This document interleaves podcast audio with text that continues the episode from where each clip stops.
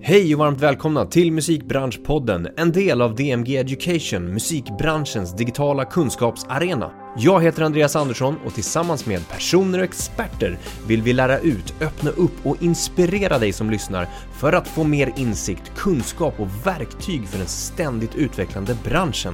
I veckans avsnitt träffar jag grymma Linn Fial som är studiochef samt mix och ljudtekniker på Riksmixningsverket. Linn var faktiskt med och startade studion tillsammans med Benny Andersson för nästan tio år sedan. Vi pratar om allt från Linns dagliga arbete med att kombinera arbetet som bland annat inspelningstekniker och studiochef med allt vad som gäller kring bokning, administration och allt det kreativa runt omkring. Något vi kommer in på är även vikten av kommunikation mellan aktörer och roller i till exempel en studioinspelning. Det här och såklart mycket mer. Vi kör igång! Välkommen till Musikbranschpodden Linn Fial. Tack. Mår du bra? Jag mår bra. Härligt, du cyklade hit i motvind och snö. Ja, men jag har elcykel, Aha, så att det, det är ändå okej. det är bra. Ja, men då fick du lite hjälp. Jag fick lite hjälp. Ja, Men också snön mot ansiktet gör lite mer ont. ja. exakt. Men jättekul att ha dig här. Ja, tack, Vi ska kul ha ett- att vara här. Vi ska ha ett skönt snack du och jag. Ja. Vi kanske blir lite tekniska. Vi, vi har pratat Nej, men redan. alltså, varje gång man säger så här, nej vi ska inte bli tekniska, så blir man det ändå. Och jag frågade när vi klev in här om du är arbetsskadad och utvärderar lite grann Mm. eh, utrustning och sånt där. Och så sa du nej, fast sen så kom vi ändå in på Mm. lite tekniska utrustningar och sånt där. Ja, Men det är ju liksom, det är ju lite det som jag tycker är roligast. Ehm, så det, det är omöjligt. Sen kan man försöka och inte vara sån. Så lite arbetsskadad blev du ju ändå. Eller Ja, är men ja, du det är jag. det, Det, får vi säga. Vi, vi kom fram till det i alla jag fall. känner Mm. det. Eller hur? Du är studiochef på Riksmixningsverket Ja, och också eh, mixnings och ljudtekniker. ja. Eller kan man säga så?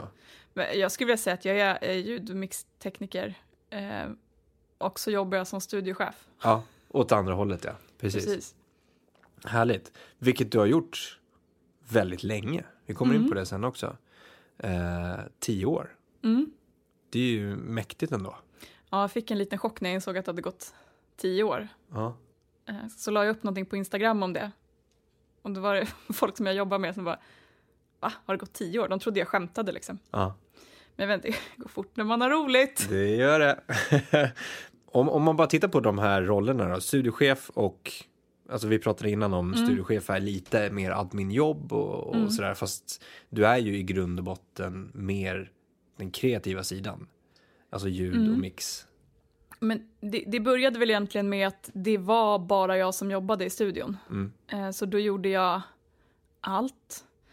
Eh, Sen alltså, svara på mejl, bokar, eh, bestämmer villkor och sådär. Ja, Ehm, Och sen är det ju också så här, det är ju över tid. Alltså när man sitter som inhouse, eh, då, då kan ju folk fortfarande välja om de vill boka dig på en session eller inte. De kan ju också välja att ta med sig folk.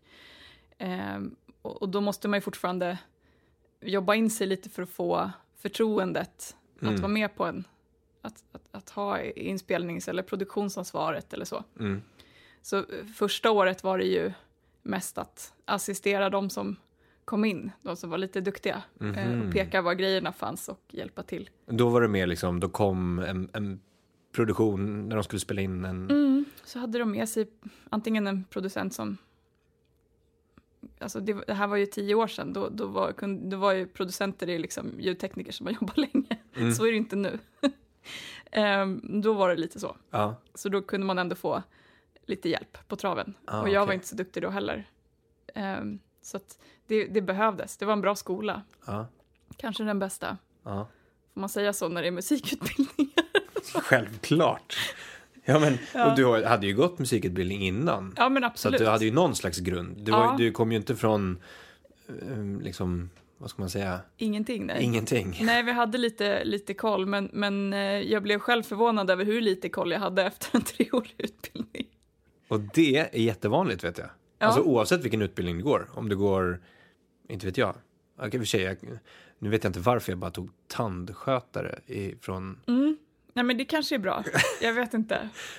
tomma intet. Men, men jag tänker liksom så här, oavsett så, så känns det som att man har nog mindre koll än vad man tror. Man tror att man ska vara fullärd.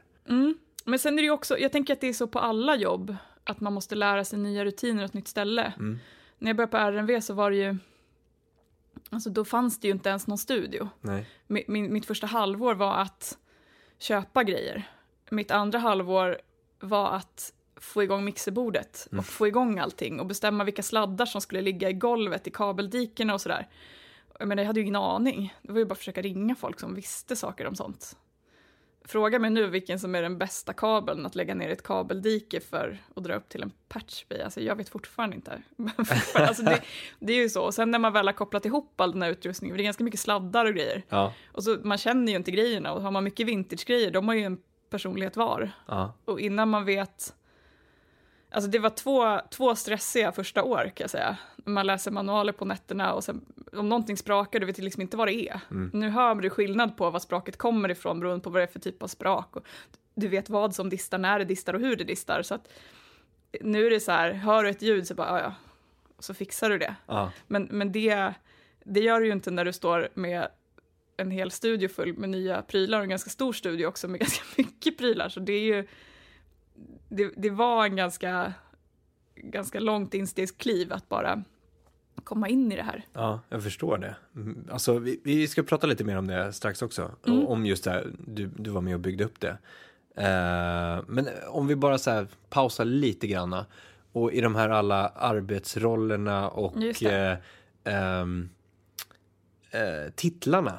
Och, och vad det nu Titlarna, skulle ja. kunna vara. Alltså, inte bara dina, utan allt överlag inom så här musikproduktion. Mm. Det är mixning, det är mastering, det är eh, producent, det kan vara, vad, vad kan det mer finnas? Inspelningstekniker. Inspelningstekniker och vad är Eh, musiker. skillnaden på en, en ljudtekniker och en inspelningstekniker och en... Nej, men alltså, ljudtekniker är väl en gene- generell term, då kan Ja. man jobba med lite vad som helst. Alltså de som mastrar är ju också ljudtekniker. Precis. Så, så den är, gen- alltså inspelningstekniker, då är du den som ehm, ansvarar för inspelningen. Men det kan också variera på vad det är för typ av musik och vad det är för typ av genre. Mm. Ibland är du producent för att du sitter vid en dator. Ja, Men, precis. men i andra genrer, eh, eller mer eh, klassiskt studio, så är det ju eh, studioassistenten som sitter vid datorn. Ja, Och så ibland är det ljudteknikern som sätter alla ljud och bestämmer hur saker ska låta efter, eller liksom hur det ska göras efter eh, artisten eller då producentens önskemål. Och ibland är det liksom producenten som skickar en lista. De här mikrofonerna framför de här instrumenten, till de här kompressorerna, till de här kanalerna på bordet. Mm. Och så kopplar man upp det. Mm. Och, och då är det liksom producentroll.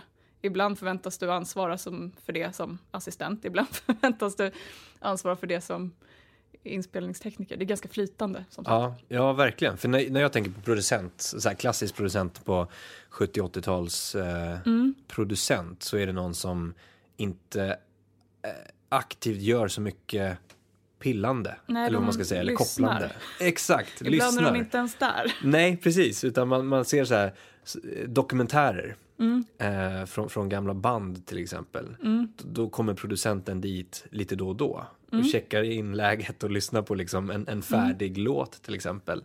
Säger några meningar och går därifrån. Ja, men det är sådana producenter som, eh, som kanske egentligen, eller egentligen, men som kanske i grunden är A&Rs, Ja, men de tar en producentroll. ja Ehm, Sådana finns det ju också. Precis. Och med det sagt så är det ju inte alltid A&Rens jobb att producera en skiva, även om vissa gör det. ja. Alltså det är också flytande, men det tänker jag att, ja, det är flytande. Det är flytande helt enkelt. Så att Och så blir det väldigt komplicerat när man ska göra credits till skivan sen.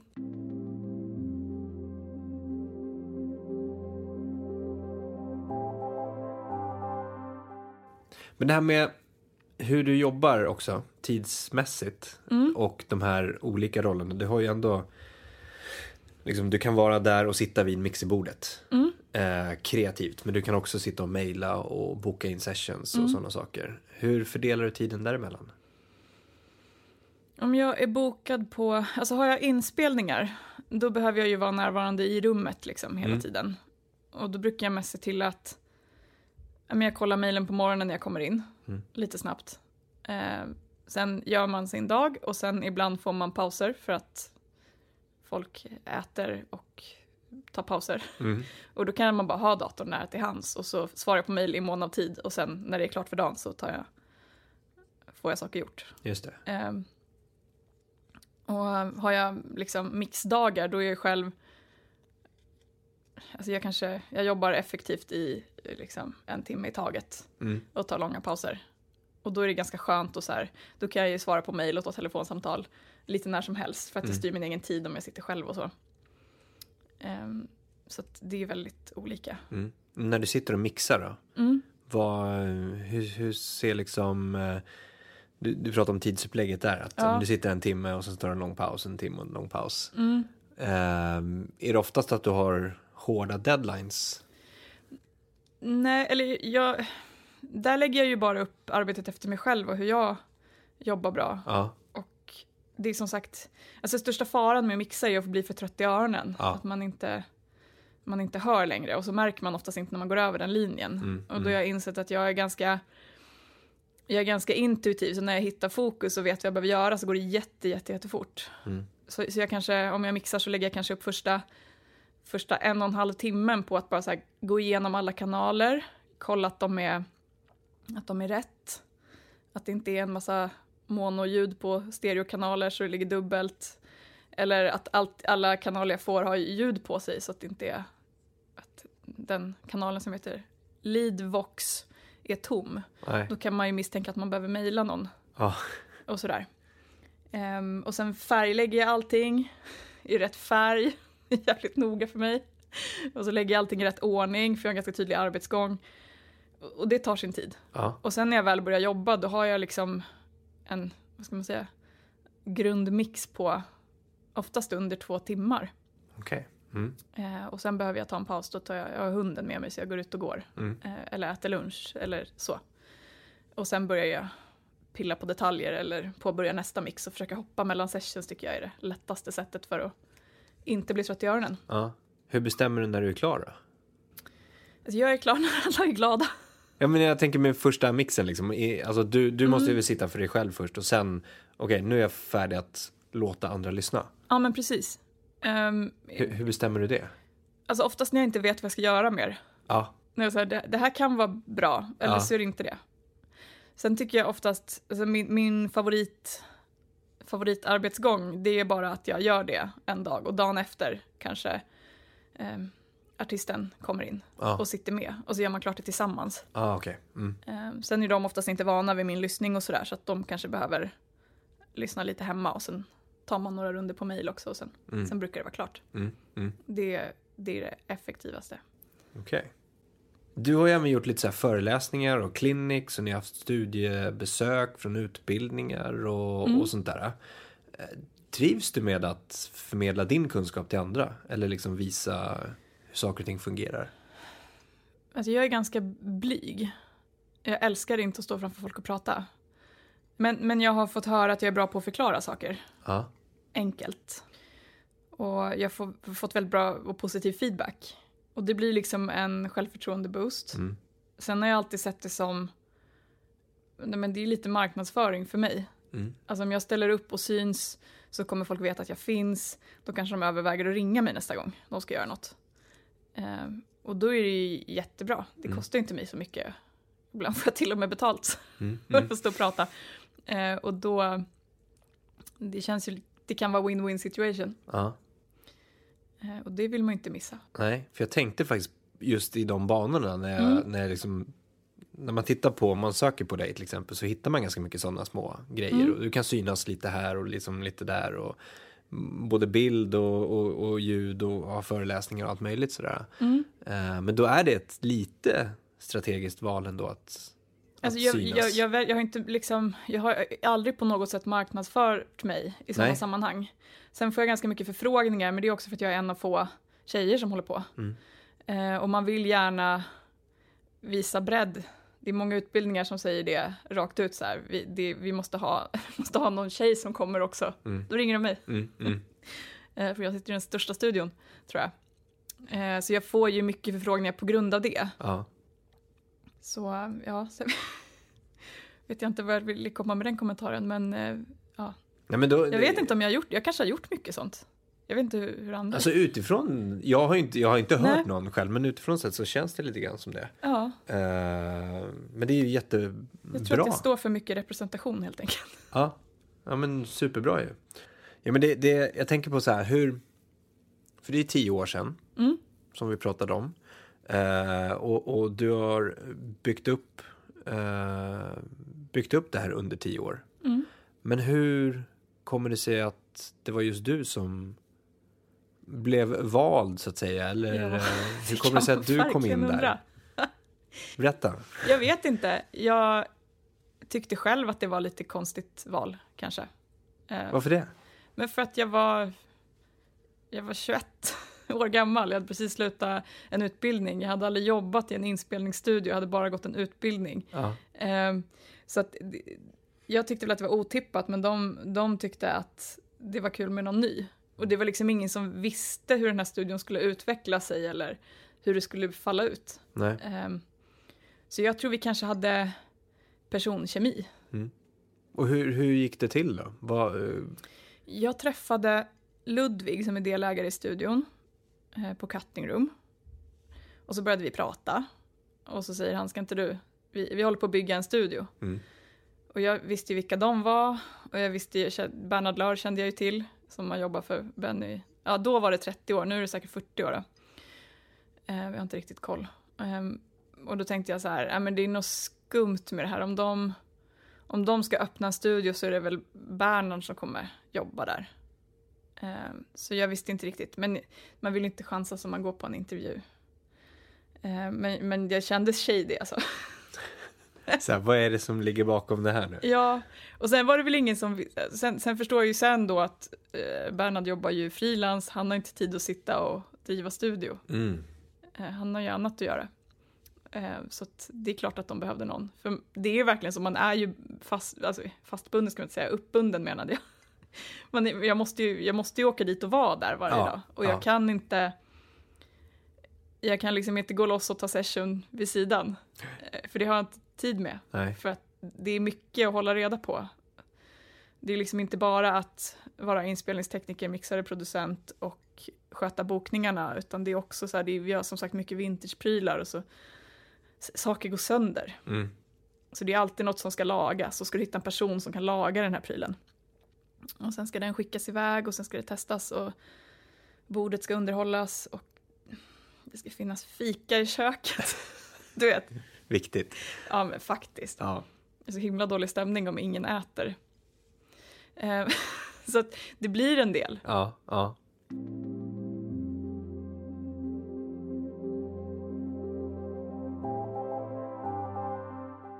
Liksom kommunikationen, om vi kommer tillbaka till det, men ett rent liksom projekt när du, du eh, vem är det som hör av sig till dig och säger hej, vi vill boka in den här artisten? Vem i branschen, är det liksom skivbolaget eller ENR eller är det manager eller är det Det är ju alla dem. alla Ibland samtidigt? också artisterna. Aha, okej. Mm. Ehm, ja, alla.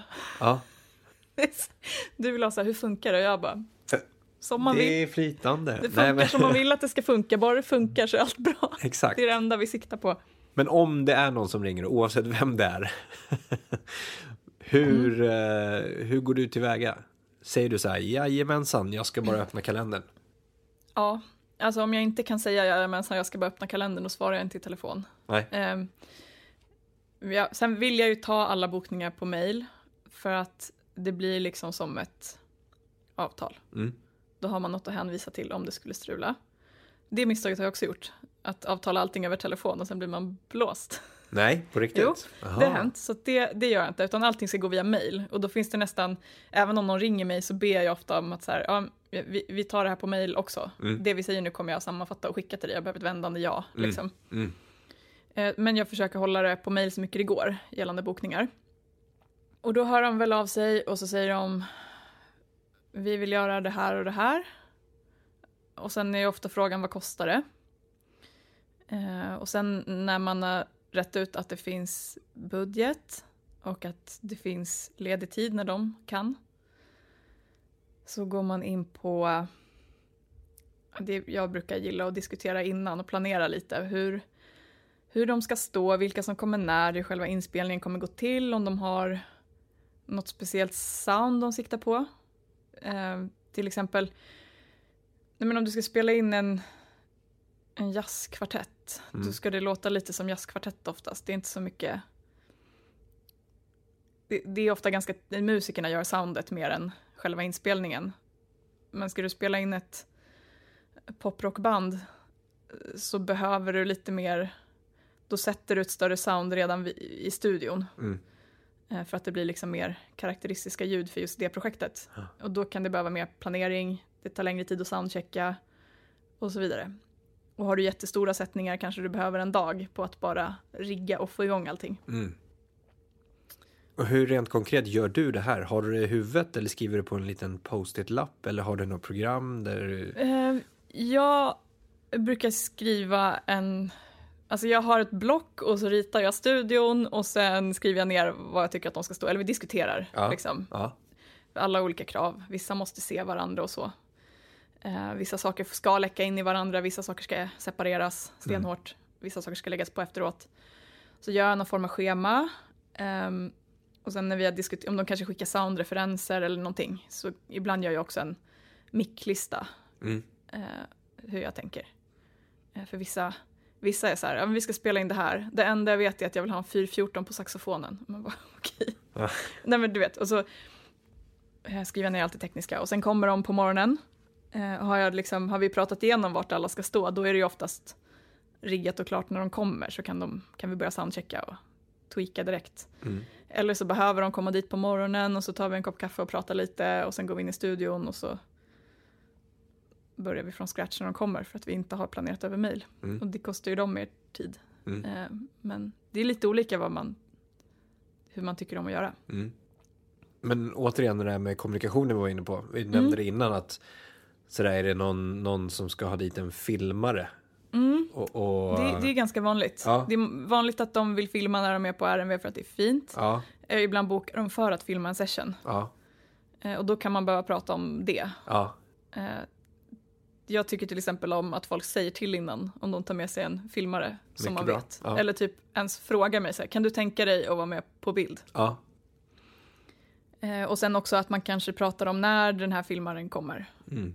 Eh, Att om man ska soundchecka ett tiomannaband så kanske man behöver en halv dag på det då man inte vill att någon springer runt med en kamera. Mm. Ehm, Eller om man har en sättning med mycket integritet så kanske de känner att de behöver sätta några tagningar innan de är bekväma. De kanske vill sätta tagningen eh, så att de kan fokusera på att agera framför kamera eh, sen. ja, ja. Och så gör man en playback exakt. eh, och så. Ja. Och det kan ju vara bra att prata igenom. Ja. Eh, Annars kan det bli väntetid och sådär. Mm. Och det är inte alltid kul. Nej, och det kostar väl också pengar. Ja, det gör väl det. Ja. Eh, Och en annan grej så här, i din, i din roll, som du sa, eh, du kanske inte är med liksom, i varje projekt som bokas in där, utan du är väl, du kanske bara är den här studiochefen då som tar in en bokning och då kommer de dit med en egen tekniker och producent. Ibland fem egna tekniker. Och ibland fem egna. Ehm, och under de här tio åren, du måste ju ha sett ganska mycket olika former av inspelningar, tänker jag mig. Olika sätt att göra saker och ting på. Du var inne på det, att det är en, har varit en superbra skola. Ja. Ehm, vad tar du med dig några lärdomar från liksom, de här, vad du har sett andra göra? Jo men absolut. Ehm, både vad jag ser att folk gör som blir bra och sånt som inte Exakt. blir bra. Det är också den här, det är jobbigt när man har suttit länge på ett ställe och så kommer det in någon och gör grejer och man bara vad, vad gör du? Ja. Vad håller du på med? Säg inte sådär, Ja. gör inte sådär. Och så, ja. Men v- vad, vad är saker och ting du skulle säga är, är bra då, som du kan säga, ja men det där, det där var smart eller? eh, Men det är typ viktigt att vara snäll och hålla god stämning i studion. Alltså det blir aldrig, det blir aldrig bättre än vad musikerna mår. Nej, Eh, och har du någon som är nervös så blir de inte mindre nervösa över att man kritiserar dem direkt. Utan Nej. ibland behöver man låta folk spela lite innan man kan komma med feedback och sådär. Mm. Ehm, och försöka ha lite känslighet för vad man ska säga och när man ska säga det. Mm. Ibland kanske du måste ha, hålla en tanke några tagningar innan du kan kommunicera det. Jag menar, har du, har du ett nytt band, de går in, de börjar spela sin första låt, då kan du inte gå in och bara så här, det där, där, där, där, där, där, gör inte så. Nej. Det blir aldrig bra, utan man måste liksom vara lite smidig. Ja. Det, det tror jag är det största. Men återigen det här med kommunikationen. Alltså Mm. förväntningar tänker jag mig också på. Att, att, att artister och bolagen runt omkring artisten bör ha liksom rätt förväntningar på okej, vad är det som händer nu när Mm. vi har bokat det här och vi ska spela in? Vilka olika andra roller har vi med? A- Att den, den kommunikationen bör ju gå ut. Ja. Men det är lite svårt kanske. Nej men ja, ja det är det väl. Men det, det, det som jag tycker är den största fallgropen det är ju det här med producentrollen. Mm. Alltså man behöver en producent. Någon måste producera. Även om det inte är att du programmerar någonting i en dator som är produktionen, utan även om du jobbar med livemusiker så måste någon producera. Och, och det är jättesvårt att vara artist och liksom göra tagningar och sen gå in i studion och bedöma om det du precis gjorde var bra eller dåligt. Alltså det är nästan, det, är- det är liksom det är väldigt få som tar sig an det och det är väldigt jobbigt. Så någon kommer alltid producera. Så när, när band säger vi producerar själva, då, då finns det en lucka liksom. Vissa band klarar det. Vissa band har någon bandmedlem som är ansvarig. Liksom. mm. Men i många fall när de säger producera själva så behöver de hjälp. Liksom. Någon styrning i alla fall. Ja, och, det- och det kan också vara genaren som är den styrningen. Mm. Mm. Ibland är det så. Ja, okej. Eller managern i några fall som går in och är det. Det kan vara ett stöd, det kan vara någon som bara klappar om på axeln och säger bra gjort när de Ah. har tagit en tagning eller där satt den. Ja. Var, alltså, kan vara mood management också, men någon, någon måste vara den som gör det. Bra. Bra jobbat. Ja, det är jätteviktigt. Alltså det kanske typ är det viktigaste man kan säga, att det är bra när det är bra. Ja.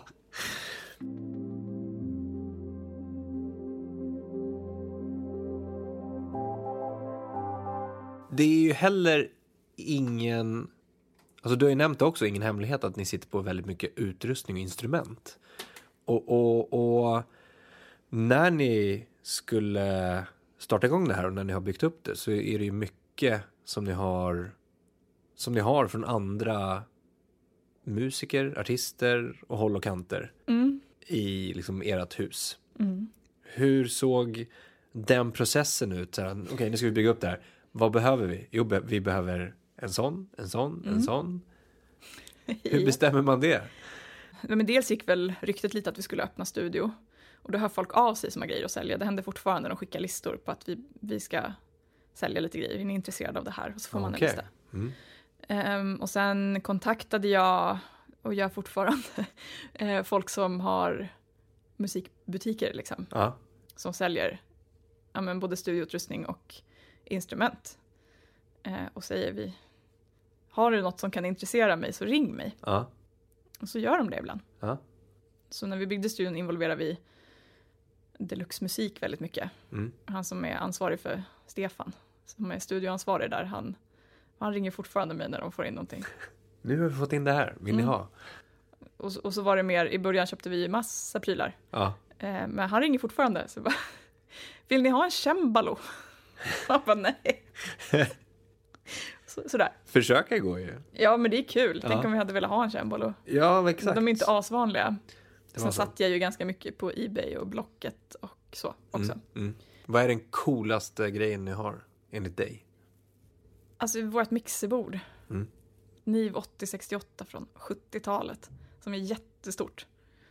Eh, det, det är ovanligt att ha så stora, så stora bord från den tiden. Mm. Nu är det ju två mixerbord som är ihopbyggda under 80-talet. Eh, men det, det låter så fruktansvärt bra och det är kanske vår viktigaste pryl som formar hela soundet av studion. Mm. Så den, den, det är favoriten. Och den som inte fattar riktigt varför man behöver, som du var inne på, liksom, ja men vadå, kan man inte bara liksom, in med alla kanalerna i, i datorn? Ja, det kan du göra. Men vad är, vad är Ehm. den största skillnaden med att du behöver ett stort, stort mixerbord? Alltså dels för att du kan få in väldigt många kanaler samtidigt. Mm. Eh, och sen att ha ett, det är inte bara att det är stort, det är bra också. Mm. Eh, Det, det är fruktansvärt bra. Alltså det låter lite bättre. Eh, och det är ju också så här, när du ska mixa, eller har man suttit och mixat så, så vet man att har du en- ett bra inspelat ljud så kan du forma det hur du vill. Alltså du, även om du inte vill att det ska låta super cleant, hi-fi, öppet och stort så eh, det kanske ska vara eh, gritty och hårt liksom. Men, men det blir gritty och hårt på ett så mycket bättre sätt när du har en schysst inspelning och bra kvalitet. Mm. Det är helt andra möjligheter. Du behöver liksom inte kompromissa. Det är väldigt skönt. Finns det någonting, om vi blir lite så här nördiga, Mm. finns det någonting som du alltid, alltid använder som är liksom din go-to? Oavsett om det är liksom en, en, ett, ett, en kompressor eller Har jag reverb. nämnt mixerbordet? Eller... Ja, ja, absolut. Men, Högtalarna, är Högtalarna. ju skitviktiga. ja, men om, om, om du, om du får, liksom i själva processen, i mixprocessen, Ja. om, vi, om, vi, om vi går till den delen. Finns det någonting du alltid liksom, ja men jag hämtar alltid hem det här och börjar med det eller? Mm. Men Det beror ju lite på vad det är för instrument vi pratar om också. Mm. Ehm, ja, men det är klart jag har go-to-prylar. Jag har ju min egen grundsetup. Om jag inte vet vad jag ska göra av materialet, om jag bara ska spela in det här, får Ja. jag, då, har jag, då vet jag ju vad jag riggar upp. Mm. Vad är det då? Du får slänga det med. Om om du radar upp den, bara med massa termer. Ja, men vadå, ett, vad pratar vi om, ett trumset eller pratar vi om Ja men, eh, du får välja. ja, men ett piano? Ett piano? Ja. En vanlig flygel? CM 402? ja. alltid med. Spelar in ett trumset och har en D25 och en U47 fet på kicken. Alltid, jag har alltid 421 er Jag kan micka upp ett trumset med bara 421 er Eh, Också en så här mix som är så underskattad. Den är så här dynamisk, som har funnits länge. Ehm, och som är supervanlig, men också toppen. Mm. Den tror jag att... Den, ja, men det kan- Okej, vi, säger, vi säger 421. En Sennheiser dynamisk mikrofon. Ehm, den är nog med på alla inspelningar på Ja. något sätt. Om Ja. det inte är så här bara sång som ska spelas in. Då har vi inte med 421. Men annars. Då är Om det, det- din go-to. Om det är någon typ av bandsättning så är den alltid med. Ja. Är det orkestrar eller klassiskt?